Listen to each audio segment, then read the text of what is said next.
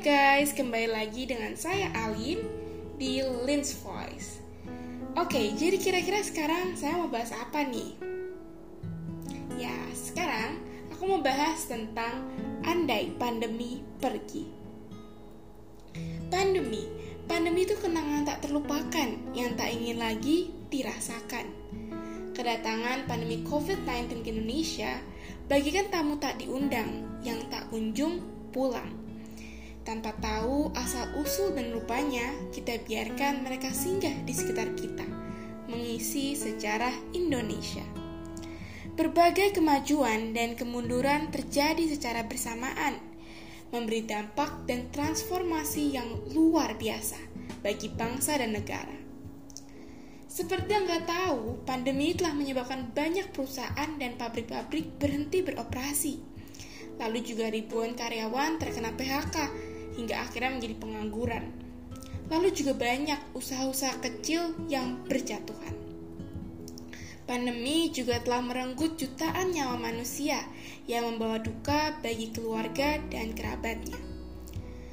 Apalagi penularan COVID-19 ini sudah menebar teror ke seluruh pelosok Indonesia. Ribuan hingga jutaan dampak negatif yang disebabkan oleh COVID-19 yang kita lihat itu amat tak nyata Padahal itu semua terjadi hanya karena sebuah virus kecil yang hanya berukuran 150 nano. Namun, pandemi COVID-19 juga memberikan dampak yang positif, yaitu perkembangan ilmu pengetahuan dan teknologi semakin berkembang pesat karena adanya banyak keterbatasan dan halangan yang membatasi masyarakat demi memutus rantai penyebaran COVID-19. Jarak tak lagi memisahkan meski zona waktu tak bisa disamakan. Lewat jaringan kebersamaan tertebal, kita bersatu lewat aplikasi komunikasi virtual.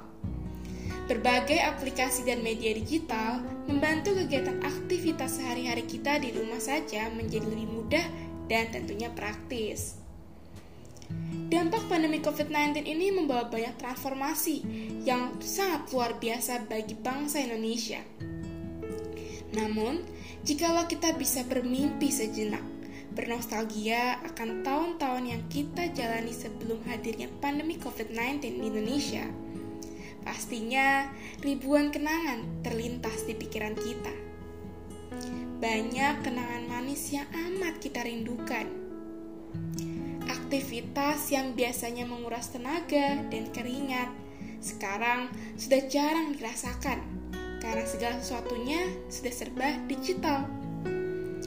Perubahan yang sangat signifikan juga terjadi dalam bidang pendidikan. Ketika biasanya murid-murid berlari-larian di bawah teriknya matahari, pergi makan bersama ke kantin, lalu mengutang ke ibu kantin. Lalu juga bernyanyi dan bercanda bersama teman ketika jam kosong di kelas. Namun, sekarang kita terbiasa untuk mengisi waktu kosong tersebut hanya dengan bermain gadget dan rebahan.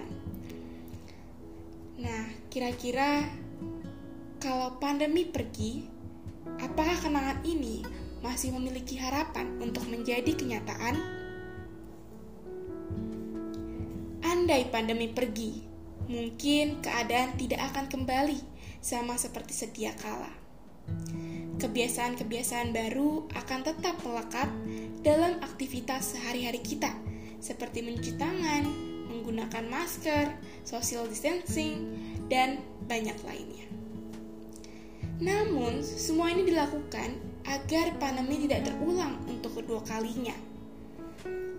Lalu kegiatan-kegiatan juga akan mulai dijalankan secara offline dan kita dapat berpergian tanpa hambatan. Oleh karena itu, supaya pandemi cepat pergi, marilah kita bersama-sama mencegah penyebaran virus COVID-19 dengan menguatkan iman, menaati protokol, dan juga menjaga daya tahan tubuh. Ingat bahwa pandemi ini tidak akan pergi hanya dengan berandai-andai, namun usaha dan doalah yang akan mengusirnya dari muka bumi ini.